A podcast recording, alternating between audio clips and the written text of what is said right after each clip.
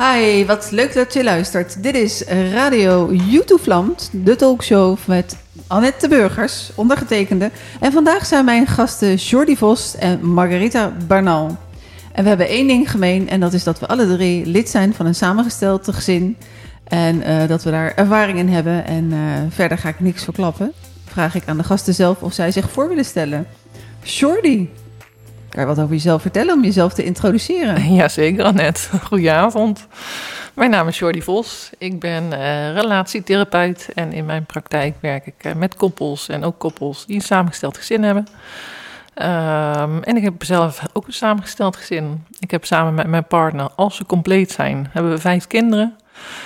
Uh, eentje die ver weg woont in Suriname, die zien wij niet zo vaak. mijn partner heeft twee kinderen uit een vorige relatie. Uh, ik heb nog een uh, kind uit een vorige relatie en we hebben samen nog een dochtertje van zes. Dus dat is hoe het er bij mij uitziet. Zo we zijn dan. overigens niet allemaal tegelijkertijd in huis. Dat is wel een belangrijk detail. Uh, want merendeels zijn we met z'n vieren. Dus dat is onze gezamenlijke dochter en die van mij. Mm -hmm. Oké, okay, dankjewel. Margarita. Ja, goedenavond. Ik ben Margriet Bernal en ik ben relatietherapeut, trainer, uh, coach, counselor. Ik begeleid mensen individuele relaties en samengestelde gezinnen. En uh, mijn samengesteld gezin, uh, inmiddels 20 jaar. Ik heb twee dochters en inmiddels ook een kleindochter en een kleindochter op komst. Zo dan. Nou, we hebben hier al bij En we elkaar... wonen met z'n tweeën trouwens. Jullie wonen met z'n tweeën. Dus je hebt, Met al, partner. eh, je hebt al het een en ander overleefd. Ja. Je bent er doorheen gekomen. Hmm. Ja, dat is ook wel interessant, hè? Want dan, dan, hè, jij maakt nu een samengesteld eh, gezin mee uit de rol van oma, Margarita. Uh, en heb andere fases achter de rug. En ik ervaar nu eigenlijk met de drie pu pubers in huis dat uh, het samengesteld gezin en pubers ook wel weer wel degelijk anders is dan uh, het samengesteld gezin en de kleine kinderen. Ja, ja, geeft weer andere uitdagingen. Zeker, zeker. Ja, zeker. En uh, dan heb jij nog in feite. Uh, je bent oma van, van, de, uh, van de dochter, van je eigen dochter. Van mijn eigen dochters, ja. Dus in, in, een vorige relatie was ik oma van uh, de kleinzoon en de kleindochter van mijn partner. Dat is ook weer anders. Dus je hebt meerdere ja. varianten van, van, van oma in die zin. En wat ook leuk is, is het is voor het eerst dat we samen in een huis een kleintje hebben. Dus we hebben nog nooit zo'n babytje gehad. Dus dat is ook een nieuw, nieuw iets. Nieuw fenomeen. -hmm. Oké, nou laten, laten we eens beginnen over uh, het samengesteld gezin en uh, wat je tegenkomt, wat je zelf daarvan uh, geleerd hebt, wat, wat je grootste les was. Laten we gelijk daar dieper in duiken. Margarita, dan heb jij nog even tijd om na te denken, Jordi. Margarita, wat, wat was eigenlijk um, wat jij het meest hebt moeten leren zelf in het samengesteld gezin? Achteraf terugkijkend, of misschien is dat nog steeds een thema. Ja, ik denk dat mijn grote thema is uh, misschien bekend. Ik ben zelf ouder en mijn partner is stiefouder. En ik kan ontzettend in de spagaat komen. Dus dat ik uh, tussen mijn, mijn, partner en mijn kinderen in kon te zitten. En het gaat steeds beter. Ook nu bijvoorbeeld als mijn kinderen komen. En uh, ja, we zijn allebei heel blij met een kleinkind. Maar dat ik hem niet vergeet te vragen. En inmiddels zijn mijn dochters ook zover dat ze hem vragen of ze kunnen komen logeren of of ze kunnen komen. En de valkuil is dat ik dan hem oversla en het hem niet, niet vraag. Hmm, dan voelt hij zich buitengesloten. Dan voelt hij zo van, hé, hey, het is wel mijn huis. Dus in, in, inmiddels heb ik wel geleerd dat het belangrijk is om, om hem mee te nemen en te vragen van... Hey, uh, is het oké okay als ze blijven logeren of is het oké okay als dit is al... Hoe, hoe vind jij het? Dus hem vooral mee te nemen in plaats van in mijn enthousiasme en mijn moederliefde... Ja, die deur open te laten en te zeggen, oh, ze zijn altijd welkom. Hmm. Kost het je moeite? Steeds minder, omdat ik steeds meer voel dat ze zeker welkom zijn. Dat heeft niks met welkom te maken, want ze zijn welkom. Maar het is wel het respect dat het ons huis is. En daar waar voor mij het vanzelfsprekend is, is het voor hem ook fijn dat hij meegenomen wordt. Mm. Dus het gaat wel steeds makkelijker. Ja, oké. Okay. En wat gaf dat in het begin? Uh, was dat knallen? Nou, in het begin was het vooral moeilijk. Mijn dochters waren vijf en zeven. En nou ja, ik denk dat het vooral in de puberteit. De school was tegenover. En dan kwamen vriendjes, vriendinnetjes. En ja, voor mij zoete inval, heerlijk. Ik vond het allemaal goed. En dan, ja, dan vergat ik wel eens hem te vragen van... hey, hoe is het voor jou dat die kinderen allemaal komen? En dan uh, hadden we wel, uh, ja, flinke gesprekken erover. Dat hij eh, zoiets had van ja, dat wat jullie dynamiek is, dat iedereen welkom is en dat alles. Hè? Dus wij hadden een dynamiek met z'n drieën. En hij had andere grenzen of wilde daarin ook eh, privacy of meer. hey, ik heb ook iets te zeggen. Was je lang alleen geweest met je dochters? Een half jaar. Maar het is vooral de dynamiek die. Ik denk dat het vooral het verschil is van hoe wij met onze grenzen ingingen en ons systeem. Om, om een voorbeeldje te noemen. De slaapkamerdeur was open. Mijn kinderen mochten altijd uh, binnenvallen. En, uh, in ons bed. En uh, toen ik nog met mijn ex was. Dus daar was geen grens. En toen ik met hem was, werd opeens de deur hè, was dicht. Het was onze slaapkamer. En ze moest ook nog kloppen. Mm-hmm. Dus dat was voor mijn kinderen wel even wennen. En, en voor jou neem ik aan ook. En voor mij was het ook wennen. ja. dus het is, en, en, en ik vergat dat soms. En dat was dan niet uh, expres, maar dat was gewoon... De gewoonte was er nog niet. Dus we hebben wel zo nu en dan voelde hij dan van... je neemt me niet serieus. En voor mij was het van, ik probeer het serieus te nemen... maar ik laat die deur gewoon open. Omdat ja, ik niet gewend ben of uit mezelf die, die extra grens niet... Uh, ja, niet voor mij zo voelt, natuurlijk. Mm-hmm. Wat is hierover over dit specifieke uh, punt? Wat, wat is jouw grootste, wat, wat is je tip? Als nou, mensen nou uh, nu uh, luisteren en ze starten een samengesteld gezin, wat is dan jouw tip? Nou, ik denk dat het vooral is, probeer het gedrag en het persoonlijk, hè, dus het, het, het gedrag van wat de ander doet, te zien als dat het niet iets persoonlijks naar jou toe is. Van, oh, je doet dit omdat je mij niet serieus neemt of omdat je mij niet maar dat je ziet van, oh ja, je, je hebt een gewoonte en je, de gewoontes of de cultuur die je hebt is anders.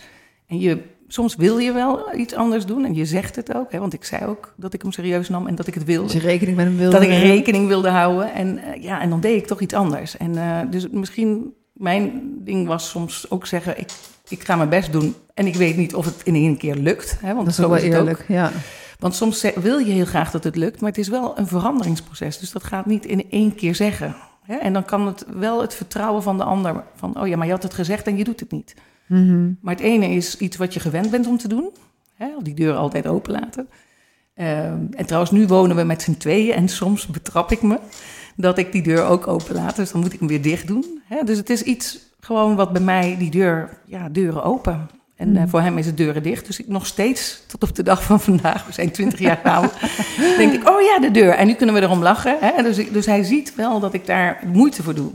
Ja, uh, dus je best doet. Dus ik denk dat het belangrijkste tip is, ja, geef elkaar ook de ruimte in, in, in het proces van, oké, okay, ik wil het doen, en, uh, maar ik ben het anders gewend. Mm -hmm. Oké, okay, dankjewel. Jordi, wat heb jij het meest te leren gehad en misschien nog steeds? Ja, zeker nog steeds, ja. Ik denk dat ik te leren heb gehad. Kijk, de thema's die veranderen gaandeweg een beetje. Hè. Als ik denk aan toen we elkaar net leerden kennen, kwamen er eigenlijk heel andere situaties naar voren die ik lastig vond. Uh, dan wat nu nog uh, gebeurt. En mensen vragen dan ook wel eens bij mij in de praktijk van... Goh, wordt het ooit makkelijk of gaat het over of zo? Hè? Dat is dan zo'n mooie vraag. En denk, ja, het blijft wel zijn uitdagingen hebben, dat samengesteld gezin. Uh, omdat door de bloedband en de stiefband die naast elkaar bestaan, er toch wat extra specifieke uitdagingen zich voordoen, uh, die ook ontwikkeling van jouzelf vragen. Ze zeggen wel dat het na zeven jaar makkelijker wordt. Hè? Ben je toch ook al die zeven jaar voorbij? Ik ben er zeven jaar voorbij, ja. ja. ja. Wordt het ja. dan toch wel iets makkelijker? Ik, ik vind dat het wel iets makkelijker is geworden. Ja. En ik denk op het moment dat je er bewust uh, met z'n tweeën of met het gezin mee aan de slag gaat, dat dat misschien niet eens zeven jaar hoeft te duren. Uh, maar goed, het, het, helpt wel. Het is een proces en daar ontwikkel je in. Als ik bijvoorbeeld terugdenk aan de eerste periode toen wij elkaar net leerden kennen, uh, vond ik het heel lastig. Uh, dat als mijn stiefzoon binnenkwam wandelen, dan had ik heel veel voor hem gedaan en zijn was gedaan en een mooi bed voor hem gemaakt. En, en nou goed, geïnvesteerd eigenlijk. Maar als die binnenkwam, liep hij eigenlijk rechtstreeks naar zijn vader. Hey, pap. En ik kon me dan wel echt heel erg onzichtbaar voelen en niet van betekenis op zo'n moment. Hè, en wat ik, ik zelf dan heb moeten leren, is ook om vanuit die pijn, was ik wel geneigd om het terug te trekken. Um, en eigenlijk uit contact te gaan. Hè, mijn eigen dingetje te gaan doen. Dat ik heb, wel echt heb moeten leren, en dat moet ik soms nog steeds, om, om te praten over hetgene wat me dan zo raakt. Hè, om daarin het contact weer te maken met mijn partner. Want anders gaat het in onze relatie zitten. En dat is natuurlijk wat vaak ook gebeurt in die samengestelde gezinnen. Hè, dat het effect gaat hebben op de relatie. En dat is eigenlijk niet wat je wil. Ja. Nee, en uh, met alles wat jij geleerd hebt hierin, wat is jouw tip op dit gebied? Ehm, ja, ik denk dat ik hem stiekem net al even genoemd heb in het, het, het, het, het, het terug kunnen trekken of het boos worden en daarin eh, kritiek eh, geven op je partner, eh, da- daarbij vandaan. En meer het gesprek over aangaan van, hé, hey, dit is wat mij pijn doet of dit vind ik zo moeilijk. En heb je even voor mij, eh, kun jij even naar mij luisteren als ik het zo moeilijk heb?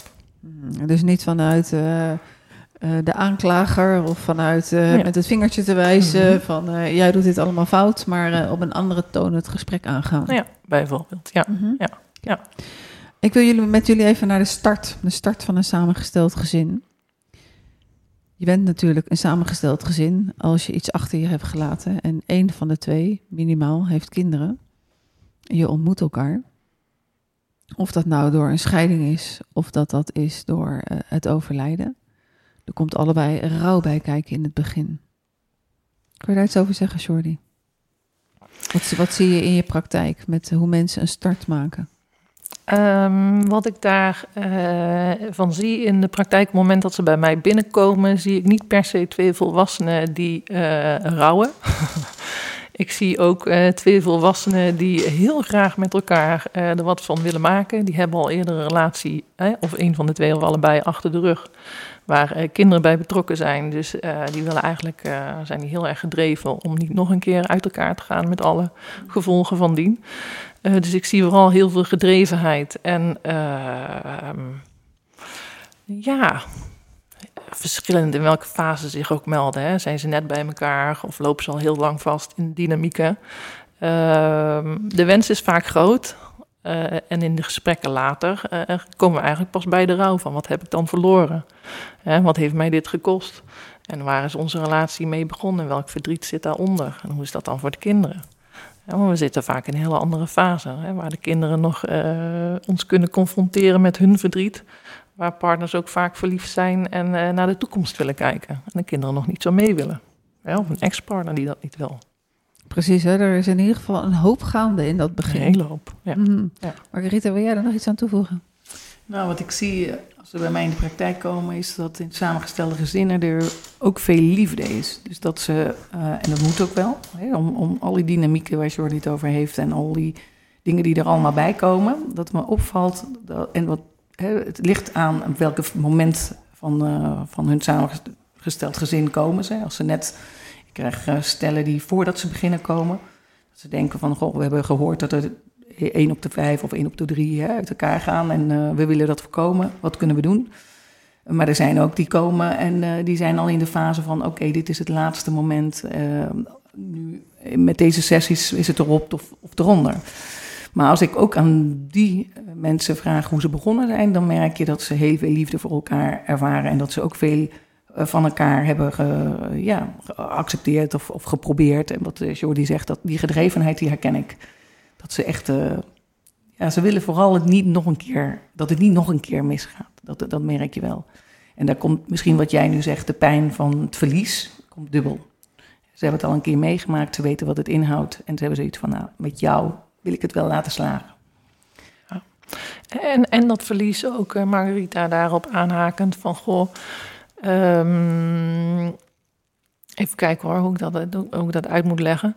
Uh, maar dat mensen ook uh, soms met het gevoel aan een andere relatie beginnen. Met van nou ja, goed, dit het ligt achter ons. Dat is niet gelukt, die vorige relatie. Dus we gaan het opnieuw proberen. En we proberen opnieuw dat gezin te vormen. En dat is wel een, een stukje waar ik uh, bij veel stellen uh, bij stilsta en aandacht aan moet besteden. Van hé, hey, dat samengesteld gezin, dat is niet, of dat basisgezin, kerngezin, ja. dat is niet meer. Hè? Je bent vanaf nu een samengesteld gezin.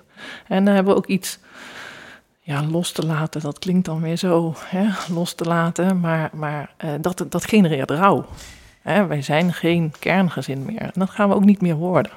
Ja, nou, dat, dat herken ik, dat dat ook iets is wat ze zich niet helemaal realiseren. Ik denk dat bij de meeste stellen, uh, ze, ze, realiseren ze wel dat, oh ja, we zien de kinderen minder, ik ben een partner kwijt, maar dat ze, hè, ook vooral in de gevallen waar ze samen nog een kindje hebben, daar, daar zie je dat ze, dat ze nog zien van hé, hey, maar als de andere kinderen er niet zijn, dan, hè, dan zijn we wel, wij zijn in ieder geval een kerngezin. Dus het, het verlies van, wat jij zegt, hè, een van de twee heeft kinderen met iemand anders. Dus je zal nooit een kerngezin zijn met papa, mama en een kindje. Die, die, die, van wie de ouders allebei hetzelfde zijn. Ehm, dat, dat realiseer ik me, dat kan ik wel zeggen, wat Jordi zegt, dat het moeilijker is om, om daar echt ja, te ervaren wat dat betekent. Ja, het komt natuurlijk ook uh, door de woorden die we gebruiken. Samengesteld gezin, het woord gezin zit daar natuurlijk wel gewoon weer in. Er wordt onwijs gehannes met, is het nou een stiefmoeder, is het nou een plusmoeder, is het nou een bonusmoeder, is het nou ik hoorde laatst een liefmoeder. Nou, die vind ik wel heel erg mooi. En een liefdochter. Dat betekent ook wel dat er een goede, een goede band is.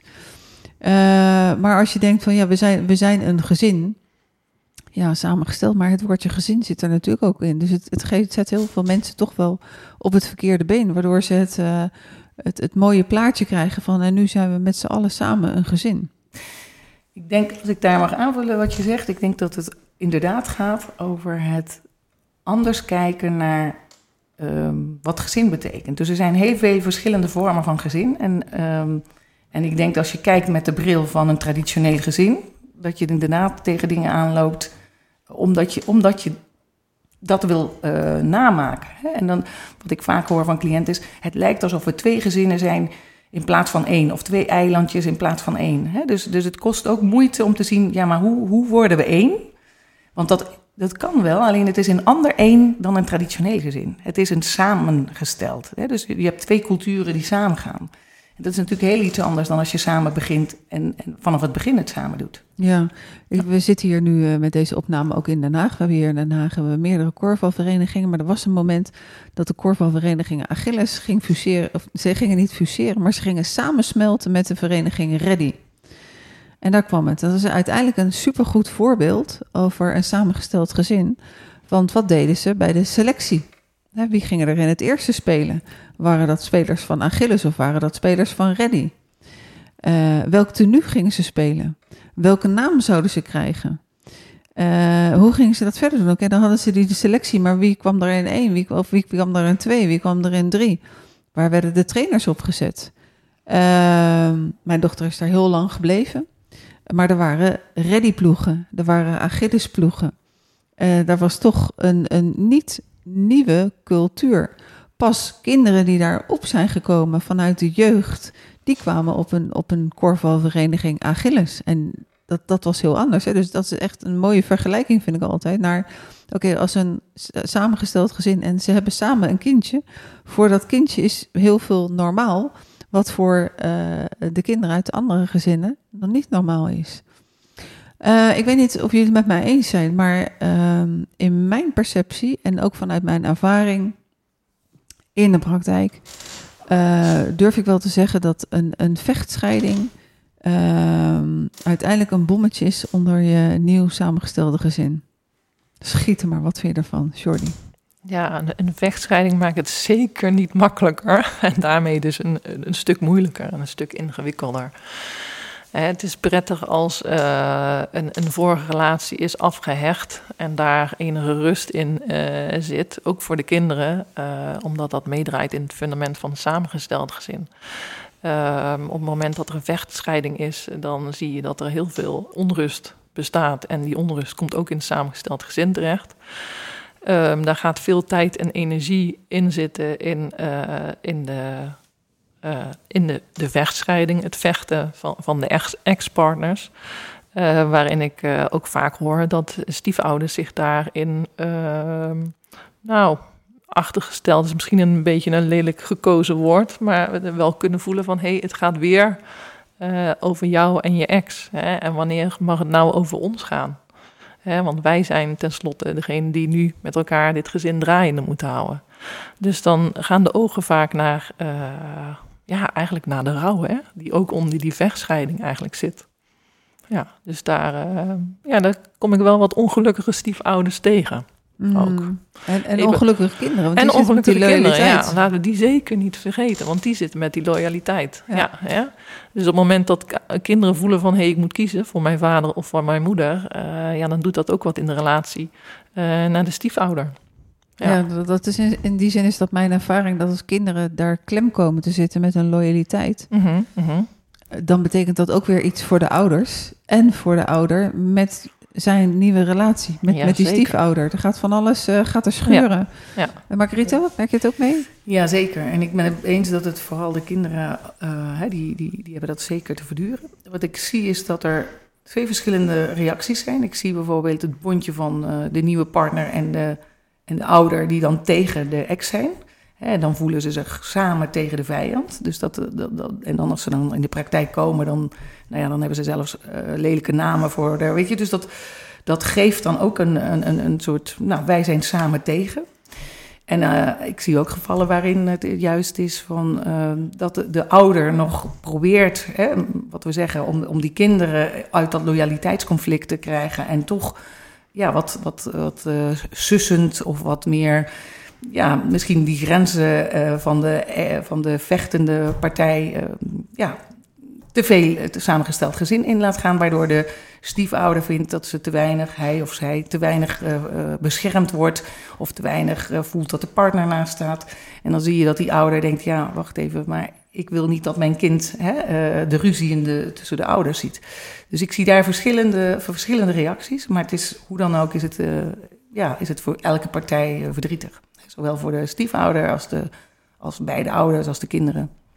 Dus het is, maar het, gebeurt, het gebeurt best wel vaak. Mhm. Ja, en, en dan te bedenken, hè, want stel je maar even voor dat je daar staat als ouder, je bent gescheiden en je hebt bijna een continuerende strijd met je Ja. ex-partner, hè, waarin overweer gevoelens geraakt worden van hé, hey, ik kan het niet goed doen. Hè, die, die, die hoor ik dan vaak voorbij komen. Ik krijg kritiek, ik kan het nooit goed doen. Eh, en dat is wat ik voel in mijn relatie met mijn ex-partner, in mijn relatie met mijn huidige partner. Krijg ik ook kritiek, want daar doe ik het eigenlijk ook niet goed. Want de, de stiefouder voelt zich ergens ook tekort gedaan. Nou ja, dan, dan, dan noem ik nu één, hè, ik doe het niet goed, maar dan komen er natuurlijk nog veel meer bij kijken. Dan is er nog de spanning naar het kind toe. Van hey, eh, voelt het kind zich wel welkom op het moment dat hij bij ons thuis is?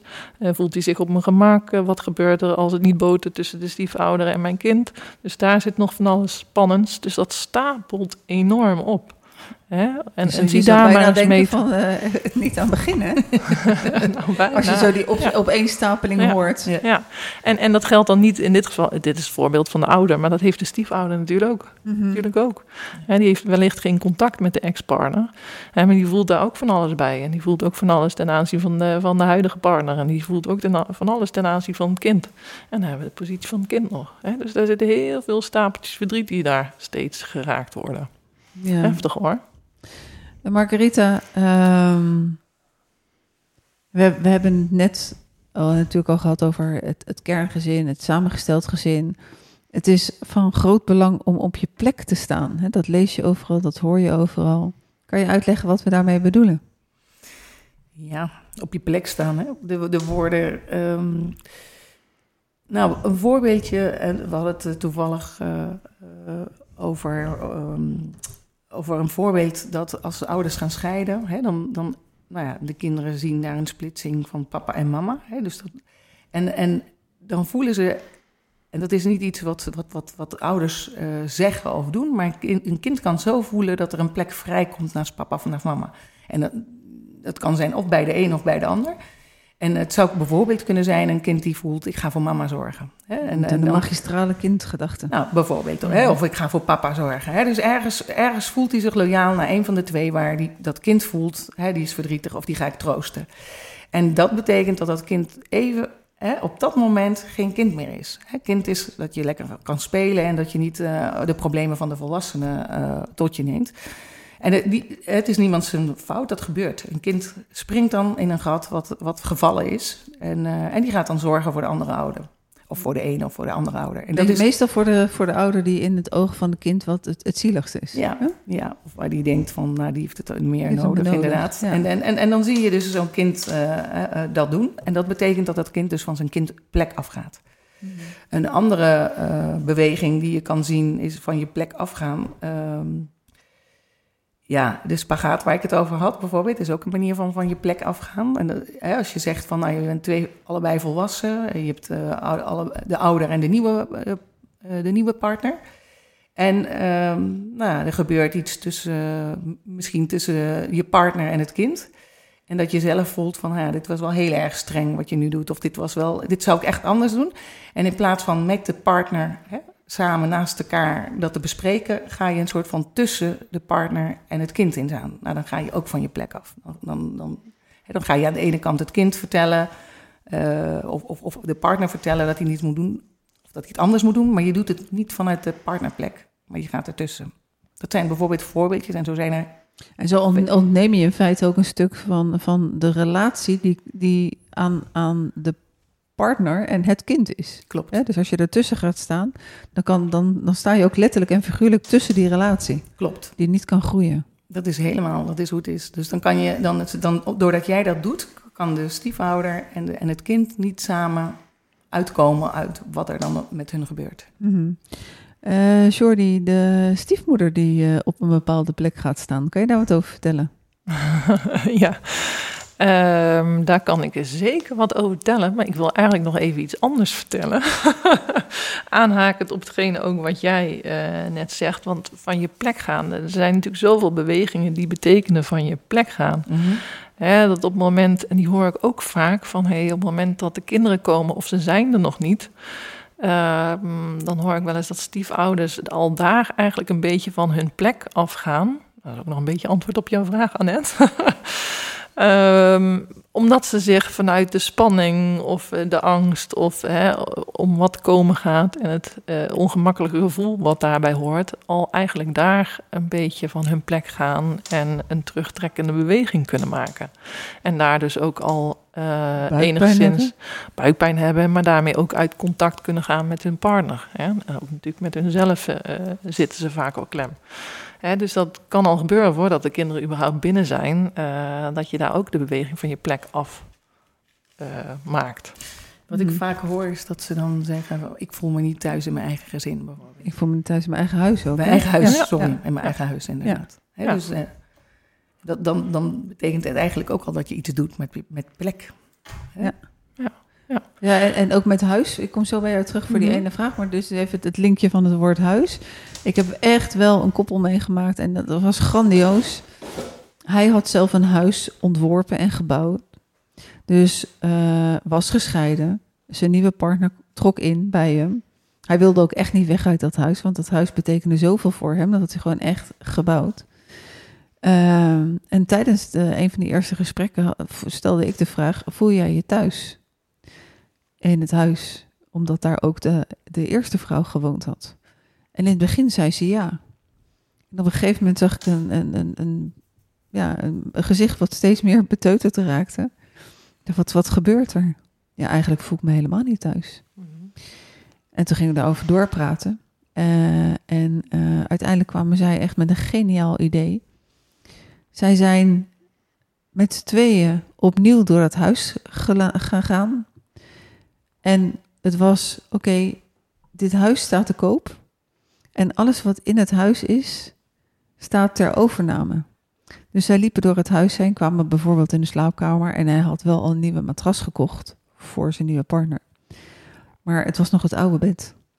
Dus ze stonden voor het bed en zeiden tegen elkaar: Nou, uh, het bed is ter overname. Wat doen we hiermee? Nou, zij zei: Ja, natuurlijk niet. We kopen een nieuw bed. Dus hup, uiteindelijk ging het bed weg. Uh, weet ik niet meer, dus een klein detail of dat matras kon blijven liggen, want het was wel van hunzelf. Maar zo zijn ze door het hele huis heen gegaan om haar het gevoel te geven: dit is ook jouw thuis. En dat maakte echt een wereld uit. Dus uh, tot en met de glazen, want hij had, nou, zo vertelde ze mij, uh, ik heb ooit wel eens een wijntje gedronken, uiteindelijk vele jaren later. Maar hij had mooie glazen en hij vond dat echt mooi, maar die had hij met zijn vorige vrouw gekocht. En zij zei, nou, ik vind ze, echt niet, eh, ik vind ze gewoon echt oprecht niet mooi. Hup, glazen naar, uh, naar de kringloop en nieuwe glazen gekocht. Het maakte echt dat zij zich ongelooflijk goed thuis voelde. Ja. De stiefmoeder. Nou, en dan wil ik daar weer even op ingaan. Geen antwoord geven. nee. nee, nou, weet je, daarin raakt het ook een stukje van... Hey, uh, ja, dat begint met een stukje bewustwording van... hey, waar gaat dit voor mij over? Wat vind ik hier moeilijk? Hè? En dan is dit een mooie oplossing die jij uh, net noemt. Uh, en daarin is het ook weer rekening houden met wat het uh, gevolg is voor de kinderen. want waar wij als volwassenen dan in onze verliefdheid, in onze wensen soms best wel snel kunnen gaan... betekent dat dat ook effect heeft op, de kinderen. En op het moment dat wij heel snel dingen gaan veranderen in huis, eh, dat, kan, eh, dat, kan gewoon de leefomgeving zijn, maar ook als het gaat over waarden en normen of, of rituelen die kinderen kennen, ehm, dan eh, is het voor sommige kinderen soms heel moeilijk om daar in dat tempo achteraan te komen. Precies, hè? dus deze, er kwamen twee kinderen bij en er waren al twee kinderen. Mhm. Dus die twee kinderen die, eh, die, die konden gewoon een eigen kamer houden. Die mochten wel ook eh, eh, veranderingen aanbrengen in hun eigen kamer. Ze waren nog klein, dat, Mhm. dat scheelt. Mhm. Ja, Ja. Dus ze hadden niet te veel commentaar daarop. En ze voelden ook niet echt dat ze ruimte in moesten leveren voor die andere twee kinderen.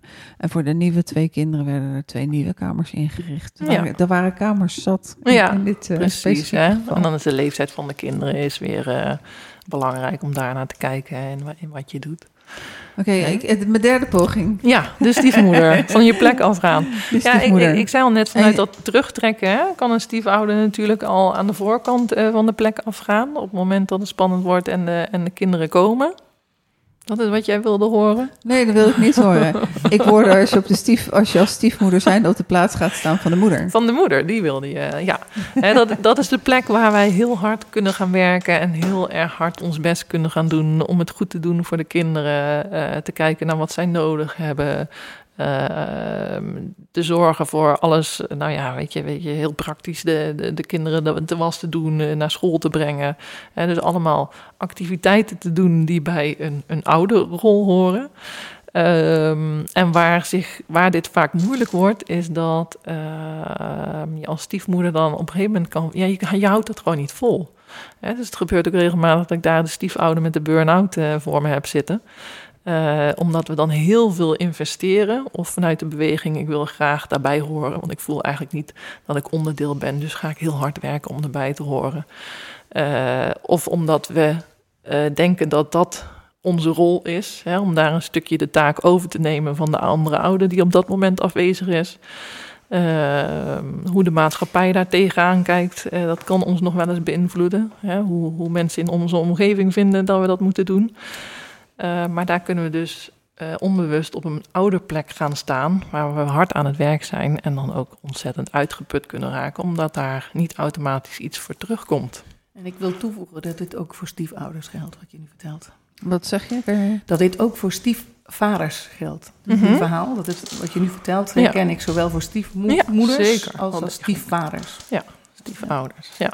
Waarbij bij stiefmoeders ik het vaker voorbij zie komen, omdat eh, stiefmoeders wat meer geneigd zijn die zorgrol te pakken. Dat is wat ik daar denk te zien, maar het is zeker niet zo dat dat eh, niet bij stiefvaders aan de hand is. En wat je dan uiteindelijk bij stiefmoeders ook wel eens tegen kan komen, dan zeg ik het heel voorzichtig, is dat ze een mening hebben over de moeder. Mhm. Ja, ja. En daar gaan strijden voor de plek van de betere ouder. De betere ouder. En wat gebeurt daar dan, Jordi? Ehm, ja, wat gebeurt daar? Ehm, wat ik daar zie gebeuren is dat ouder en stiefouder ehm, eigenlijk een beetje ja, de, de strijd aangaan in, de, in het kader van wij doen dat beter dan dat eh, de andere ouder dat doet.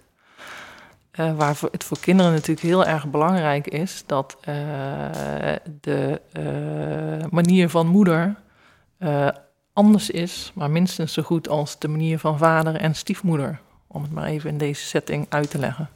En dat ze daar allerlei mooie dingen van kunnen leren, zowel van de moeder als de vader als van de stiefmoeder. Maar dat daar, als daar een oordeel op zit, dat dat niet helpt. Ja, want dan gaat die loyaliteit weer heel erg spelen. Mhm. Eh, Ik zie jou geloof ik popelen om, eh, om aan af te vullen, of niet? Oh, nou, niet zozeer aan deze aanvullen. Wat ik denk als het gaat... Ga je over een ander, ander onderwerp, want anders dan vul ik hem nog even. Vul hem maar aan. Ja, ik weet, we hebben ooit, hè, we zijn allebei, of alle drie van, eh, van, van Stiefgoed, we hebben ooit een trainingsdag gehad met eh Hilbrand Westra. En die, hij gaf heel mooi, en misschien kunnen jullie me helpen met hoe hij het verwoordde. Eh, want we hebben natuurlijk, hij, hij, hij, hij zei ook iets over het woord moeder en stiefmoeder. Van, ja, je hebt maar gewoon maar één moeder. Wat die moeder doet, of die moeder capabel is om op te voeden, of wat je er ook van vindt, dat is de moeder. En volgens mij zei hij zoiets van, eh, ik heb hem toen genoteerd, dan ben ik toch dat blaadje weer kwijtgeraakt. Eh, zolang een stiefmoeder zich bewust is en ook zegt, die andere, of de moeder heeft, heeft het kind leven gegeven, heeft het kind negen, dagen in de, of negen maanden in de buik gedragen. Dus zij is van geboorte de moeder. En dan kan je als stiefmoeder moeder gevoelens hebben en de handelingen doen. Zolang je dat beseft eh, en niet dat stukje af wil pakken, uh, dan ben je, kom je al een heel eind. Kunnen jullie dat herinneren? Ik kan me dat niet zo herinneren, specifiek wat je nu zegt. Nee. Ah, uh, ik ga het maar, nog een keer maar, navragen dan. Ja, nee, maar het is natuurlijk ja. wel waar het over gaat. Hè? Ja. Dat gaat ook over je plek. Ik kan me zeker herinneren dat, dat het ging over plek. En dat het, mm -hmm. ik denk dat wat je nu vertelt is dat het belangrijk is dat de stiefouder. En in, in, in termen als we systemisch praten, gaat het over het eren van de andere ouder. Maar ik denk dat erkennen dat de andere ouder de andere ouder is. Dat de, dat de ouder is. De ouder. Mm -hmm. um, het klinkt heel logisch en het is heel moeilijk soms. Voor, mm -hmm. voor, hè, voor de partner. Vooral als het gedrag van de andere ouder hè, zo niet acceptabel is, dan wordt gedrag en persoon vaak door elkaar gehaald. En dan is de persoon dus fout en dus niet ouderwaardig, om het maar zo te zeggen. Maar ik denk dat wat, uh, wat hij bedoelde was inderdaad, ongeacht welk gedrag, of je nou levend of niet levend bent, je blijft altijd de ouder. Of je nou goed of niet een ja. goede moeder bent in de nee. ogen van wie dan, wie dan ook. Je blijft de ouder, ja. ja. En dat is voor een kind ook weer niet te verdragen, hè? die afwijzing naar de andere ouder toe. Ja, ja, je weest natuurlijk ook de helft mm -hmm. van dat kind. Ja, precies. En uh, dus die opmerkingen van je lijkt op je vader of je lijkt op je moeder. Mm -hmm. Ja. Ik wil nog even naar uh, een van de grootste uitdagingen in het samengesteld gezin. Ik ben, ik ben benieuwd wat je gaat zeggen. Ja, ben benieuwd. Is, is opvoeden. Oh. Dat doen, we, dat doen we niet aan. Ja, nee, dat zou misschien het makkelijkste zijn. dat je er niet aan doet. Uh, in mijn praktijk merk ik echt van, uh, ja, je hebt natuurlijk twee culturen. Uh, je bent als ouder, als je ervan, nou, als we even het als voorbeeld nemen, dat je allebei kinderen hebt, ben je dat ooit met iemand anders aan begonnen, uh, samen begonnen. Daar heb je wel of niet goed over gesproken. Hoe gaan wij onze kinderen opvoeden? Maar dan kom je ineens in huis samen te wonen met, met iemand die dat op een eigen manier doet, met haar of met zijn kinderen. En dat botst, dat schuurt. En wat is dan opvoeden? En wat zijn huisregels? En wat als kinderen het, het alleen maar van hun eigen ouder aannemen? Nou, ik vind dat wel een van de grootste uitdagingen. Ja. Vul maar aan, kom met voorbeelden. Uit je eigen gezin, Jordi. Ja. Oh, uit mijn eigen gezin. Uh, ja. even, even denken. Nou ja, uh, Even schakelen hoor, want ik zat al helemaal wat, wat daar bij mij gebeurde uh, toen je dat vertelde in mijn eigen gezin. Ja, weet je, dat, dat is ook uh, uit de strijd blijven van uh, wat, wat, wat jij doet vind ik niet goed. Hè, ik, ik kan kritisch zijn en ik kan uh, dat ook tegen mijn partner zeggen van... en hoe jij dat doet met jouw zoon, dat vind ik niet oké... Okay, want je verwendt hem te veel en je bent nooit consequent. Ik overdrijf niet een beetje. Hè. Ook nou, dat zijn zeker argumenten die, uh, die je Die komen hoort. voorbij, ja. maar dat, is, dat kan ik ook, dat kunnen wij ook. Hè, waarin mijn uh, partner uh, of, of wat stiller kan worden of zich terugtrekt en uh, het gevoel kan hebben van ik doe het weer niet goed en ze zit weer te zeuren. Hè, waardoor ik nog meer het gevoel heb van en je steunt me niet. En zo kunnen wij natuurlijk heerlijk door zo'n zo patroon heen draaien, wat eigenlijk al, al alleen maar erger wordt zonder dat we nou echt hebben waar het over gaat. Namelijk, ik, ik voel me alleen bijvoorbeeld. Hè? En ik wil dat zo graag samen met jou doen. Hoe kunnen wij dat voor elkaar krijgen?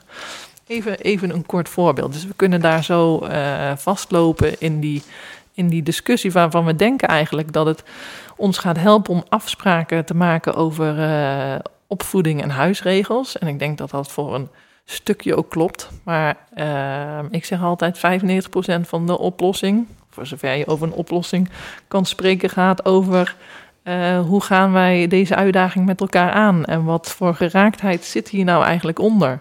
En dat gaat toch echt over, ja, maar ik kan me dan zo alleen voelen. Of ja, maar ik kan dan zo het gevoel hebben dat ik het nooit goed kan doen voor jou. Hè? En op het moment dat we dat kunnen uitspreken, dan, uh, dan zijn we al heel eind.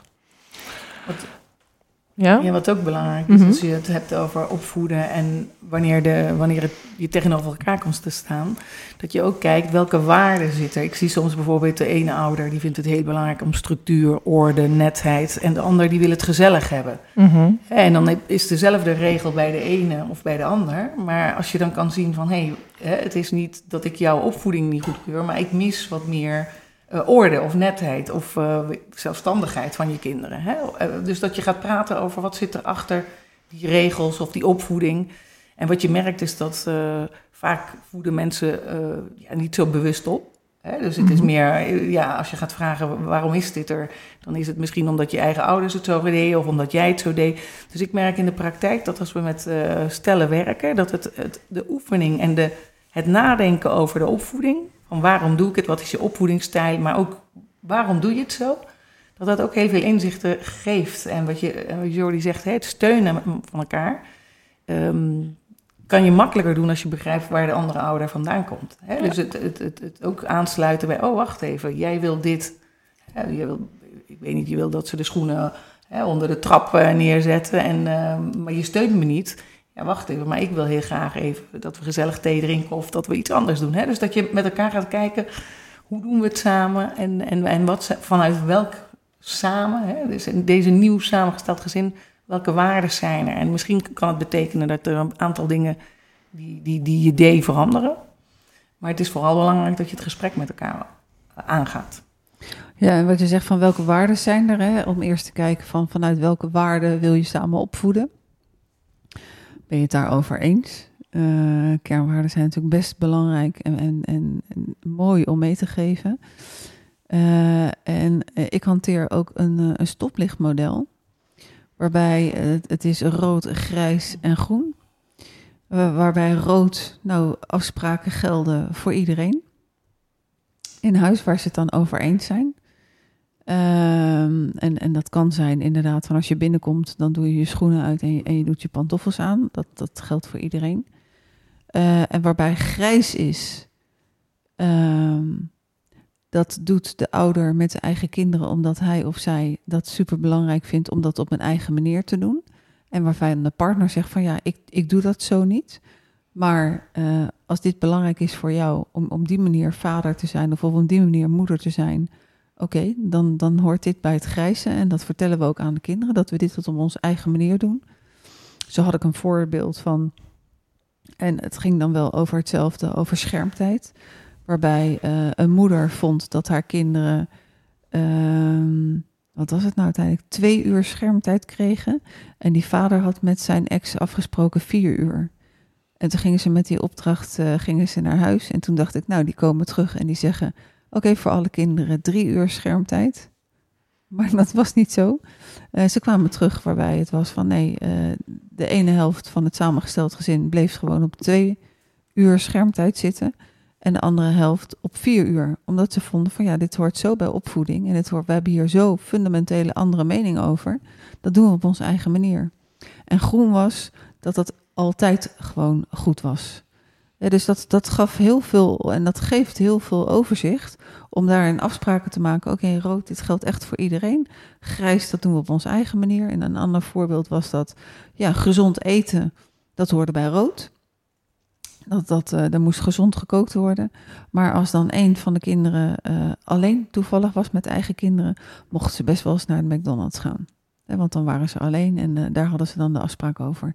Nou, uiteindelijk om dat via een schema uh, onder elkaar te zetten en echt rood, grijs en, en groen te maken, uh, verdwenen eigenlijk alle, alle, discussies omdat het duidelijk was. En zo mooi om te horen, hè, want dat is wat veel mensen ook lastig vinden. Dat dat grijze stukje waarin je zegt van wij doen het allebei hè, met onze eigen kinderen op onze eigen manier. Hè, dat dat gewoon mag bestaan. Want er wordt soms ook zo hard gewerkt om het voor alle kinderen uh, even goed, even gelijk uh, uh, te doen. Maar dat is niet realistisch.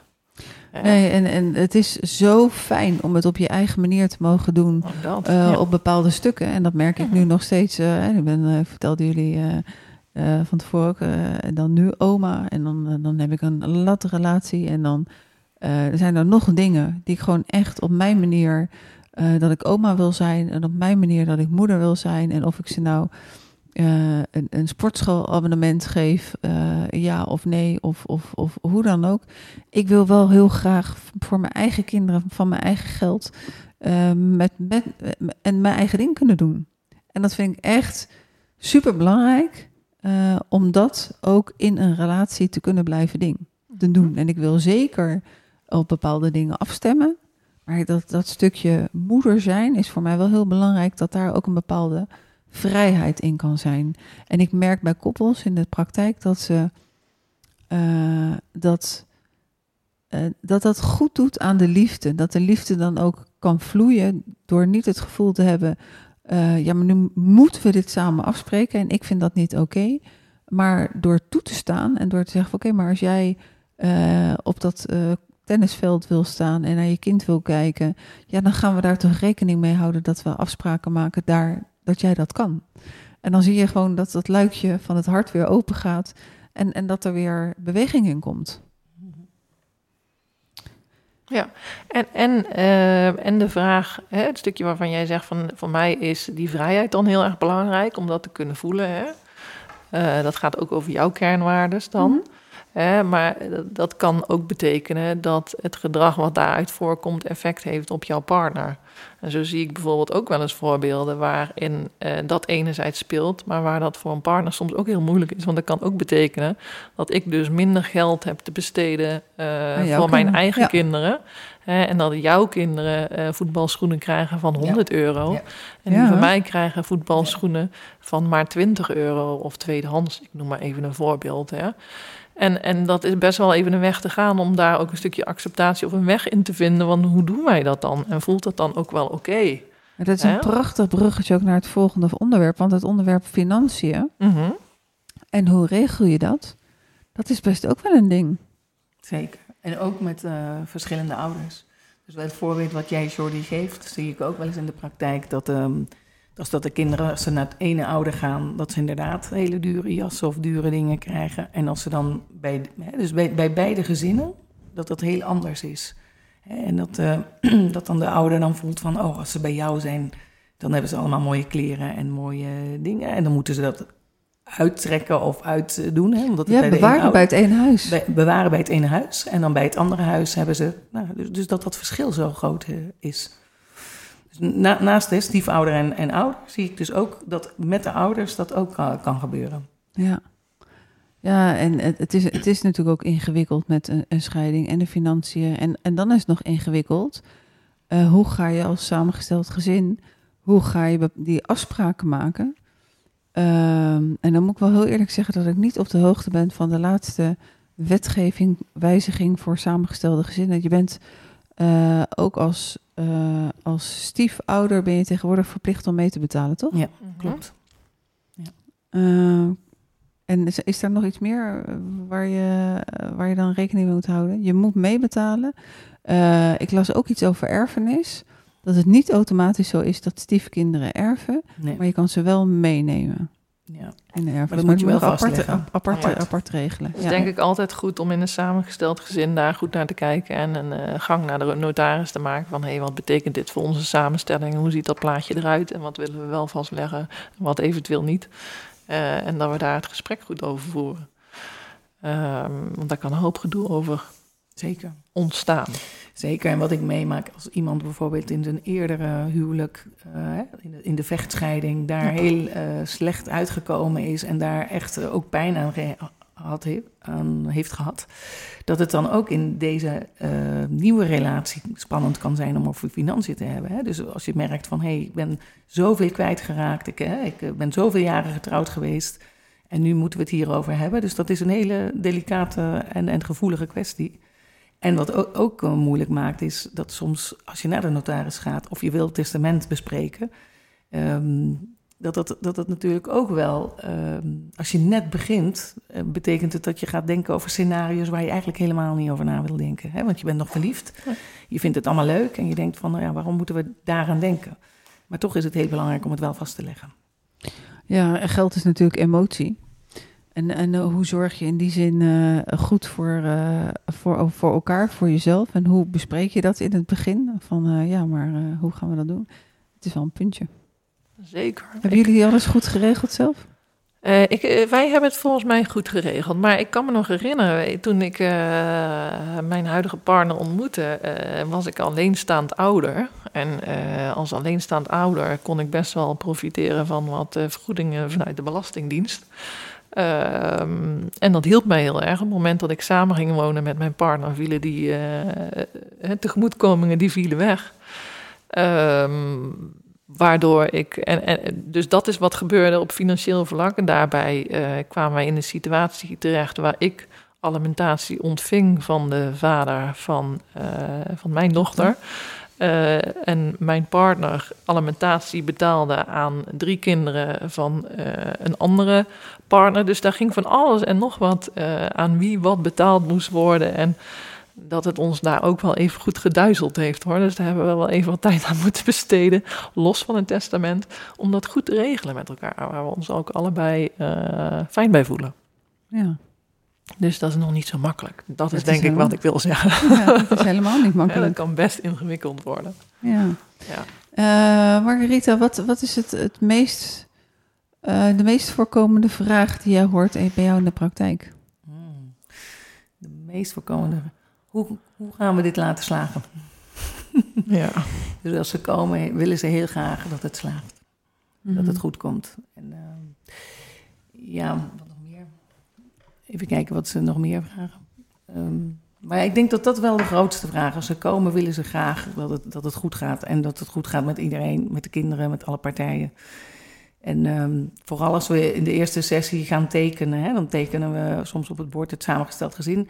En dan, dan, dan vinden ze het zo fijn om, om, op het bord te zien al die verschillende relaties hè, de, en, en, en, en, dynamieken die er zijn. Hè. Dus de, de, kinderen met het ene gezin, de kinderen met het andere gezin. Hè. Dus je tekent het echt op het bord en dan wordt het echt heel zichtbaar. En een van de dingen die ik vaak hoor is dat ze zeggen: Oh, wat fijn. Dus, dus, dus we voelen het goed aan dat het ingewikkeld is. Of is een bepaalde erkenning dat het, dat het ingewikkeld is. En uh, ja, ik denk dat dat. De, de, de, vraag ook van: is het normaal wat, wat wij meemaken? Is het, is het, hè? En, en komt, het, komt het goed? Dus, uh, dus, dus de erkenning van dat het inderdaad erbij hoort. Sommige dingen horen erbij. Dus ik denk dat vooral de vraag van, uh, van is het normaal, komt het goed? Dat, dat, uh, wat kunnen we doen om het, om het te laten slagen? Dat zijn een beetje de dingen die, die vooral, die vooral in de praktijk voorkomen. En waar het dan bij, ook echt wel een veelgehoorde uitspraak is, die herken jij ook. Van uh, op het moment dat de kinderen er niet zijn, is onze relatie best wel goed. Dat is natuurlijk niet altijd zo. Hè? Maar dan lijkt het alsof er niet zoveel aan de hand is. Maar zodra de kinderen komen en een van de twee volwassenen gaat in de rol van stiefouder, hè, of allebei, dat kan ook, hè, dan wordt het ingewikkeld. Ja, dat klopt. Dat klopt. We vinden inderdaad van als ze, als ze met z'n twee zijn, en, en wat ik merk, maar dat is de laatste tijd uh, dat me opvalt. En ik zeg zo altijd van ga met z'n tweeën leuke dingen doen. Want uh, de relatie en de liefde die jullie voor elkaar hebben, dat is waarom je het doet. En ik merk dat soms ze ondergesneeuwd raken bij al die, al die dingen die er zijn. En dat ze te weinig aandacht. En vooral wat Jordi zei, als er veel combinaties zijn, dat je kinderen met de ene, kinderen met de andere. Of dat het soms niet gelukt is om een week of een weekend zonder kinderen te zijn.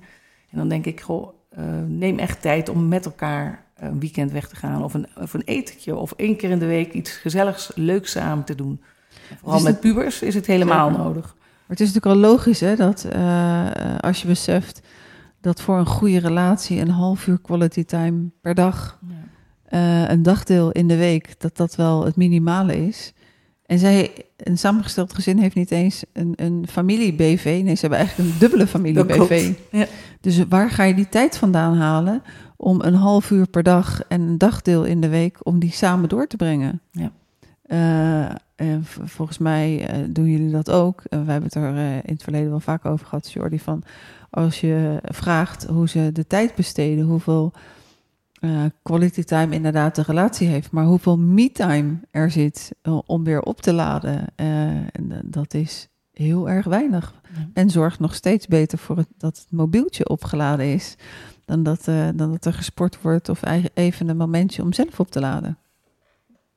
Zeker. Herkenbaar? Ja, heel herkenbaar. Ja, ja. En, en, en, en hij, ik vind hem ook verrassend. Hè? Niet in de zin dat dat nieuw is, maar eh, ik, ik hoor ook gewoon dat mensen, in, of de volwassenen in een samengesteld gezin, het ook zo hebben geregeld dat er vaak ook een weekend is dat de kinderen er niet zijn. Dus dat ze, eh, doordat de kinderen naar de ex-partner gaat, wel die tijd voor elkaar hebben. Hè, dus dat is ook wat ik hoor. Dat is natuurlijk een- ook een stukje wat bij het samengesteld gezin kan horen. Wat Ja, het hangt natuurlijk ook weer, het hangt heel erg af van, van de context en van de situatie. hè? Dus, Van eh, de samenstelling. Als En je- hoe vul je die tijd dan in? Hè? ja, er zijn ook de- genoeg koppels en genoeg gezinnen die, waarvan eh, er een alleenstaande ouder is, waarbij de, de, de, de partner, de ex-partner uit beeld is. Mhm. Ofwel in een ander land, ofwel overleden, ofwel... En dan zit je 24-7 met de kinderen. Ja. Heb ik ook altijd gehad Ja. na het overlijden van, eh, van de vader van mijn kinderen. Mhm. Eh, en ga dan maar eens eh, een, een weekendje vrij eh, plannen. Of, of überhaupt eh, anderhalf uur om naar een stiefcoach te gaan. Dat is soms wel een hele grote uitdaging. Ja. Ja. ja, zeker. Ja, dus, eh Marguerite, ik wilde jou toen straks nog vragen, maar toen veranderden we van onderwerp.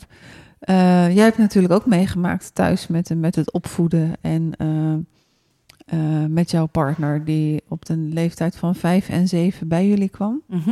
Eh, hebben jullie samen opgevoed of heb jij opgevoed? Wat was, wat, hoe zijn jullie daar doorheen gekomen? Nou, we hebben wel samen mm, gekeken naar hey, wat zijn de regels in huis. Ehm, en we hebben wel gekeken van wat zijn dingen, hè, hoe gaan we met elkaar om. Dus bijvoorbeeld, eh, ja, zoals de tafeldekken. Wie, hè, we, hebben, we hebben daar een rooster in gehad van, nou dan dekt die de tafel, dan doet die dat. Mm, ja, en het opvoeden, in die zin voelt- het wel voor mij dat we veel samen gedaan hebben. Ehm, en wat ik wel gemerkt heb, is dat, eh, dat, eh, dat we wel anders, bijvoorbeeld ik, ik, ik ben denk ik toegefelijker. Hè, dus in die zin, en ik merk wel dat bij ons bijvoorbeeld hoe, hoe steviger ik stond of de grenzen beter bewaakte, hoe beter het ging. Als ik dat eh, minder deed, dan, dan gebeurde er tussen ons vooral. Dan, hè, dan lagen de kinderen op bed en dan hadden wij daarna nog eh één of twee uur eh, gesprekken op de bank van hè, hoe, hoe, ik het anders had moeten doen. Of, en, en ik denk dat daar gaat het wel over. Dat het vooral belangrijk is dat je met elkaar die gesprekken voert. Van, van, hè, van wat vind ik, wat vind jij, wat is prettig, wat is niet prettig. Dus wat ik vooral in, in, in onze relatie, wat we heel veel gedaan hebben, is veel praten over hoe, we het vonden. En wat ik wel gemerkt heb, en dat zie ik nu ook bij stellen, dus ik leer hè, van 20 jaar samen, maar nu als ik stellen heb, kan ik ook zien de onmacht van de stiefouder die voelt van hé, hey, ik woon in dit huis, het zijn jouw kinderen, jij voedt ze op. Maar wacht even, ik heb er wel last van. Hè, dus hoe gaan we dat doen? En daar zie ik in inderdaad van eh, dat het wel zo is dat de ouder opvoedt, maar dat het ook belangrijk is om te kijken wat doet de opvoeding die je, die je met je kind hebt. Hè? Eh, hoe laat hij thuis komt of niet. Hè? De, de partner, je woont wel in hetzelfde huis, de partner is betrokken.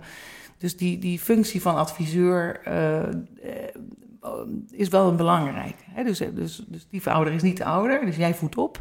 Maar als ouder heb ik wel geleerd van, oh ja, het is wel belangrijk om wat de stiefouder zegt, ehm, ja, om daar, dat serieus te nemen. In de zin ook als ik denk van, hé, hey, wat jij nu zegt, dat ga ik niet uitvoeren of daar sta ik niet achter. En dat is soms, tenminste vond ik heel moeilijk, om Ja, helder te zeggen, ja. om heel helder te zeggen, oké, ik hoor je Dankjewel, behoefte. dankjewel voor je advies.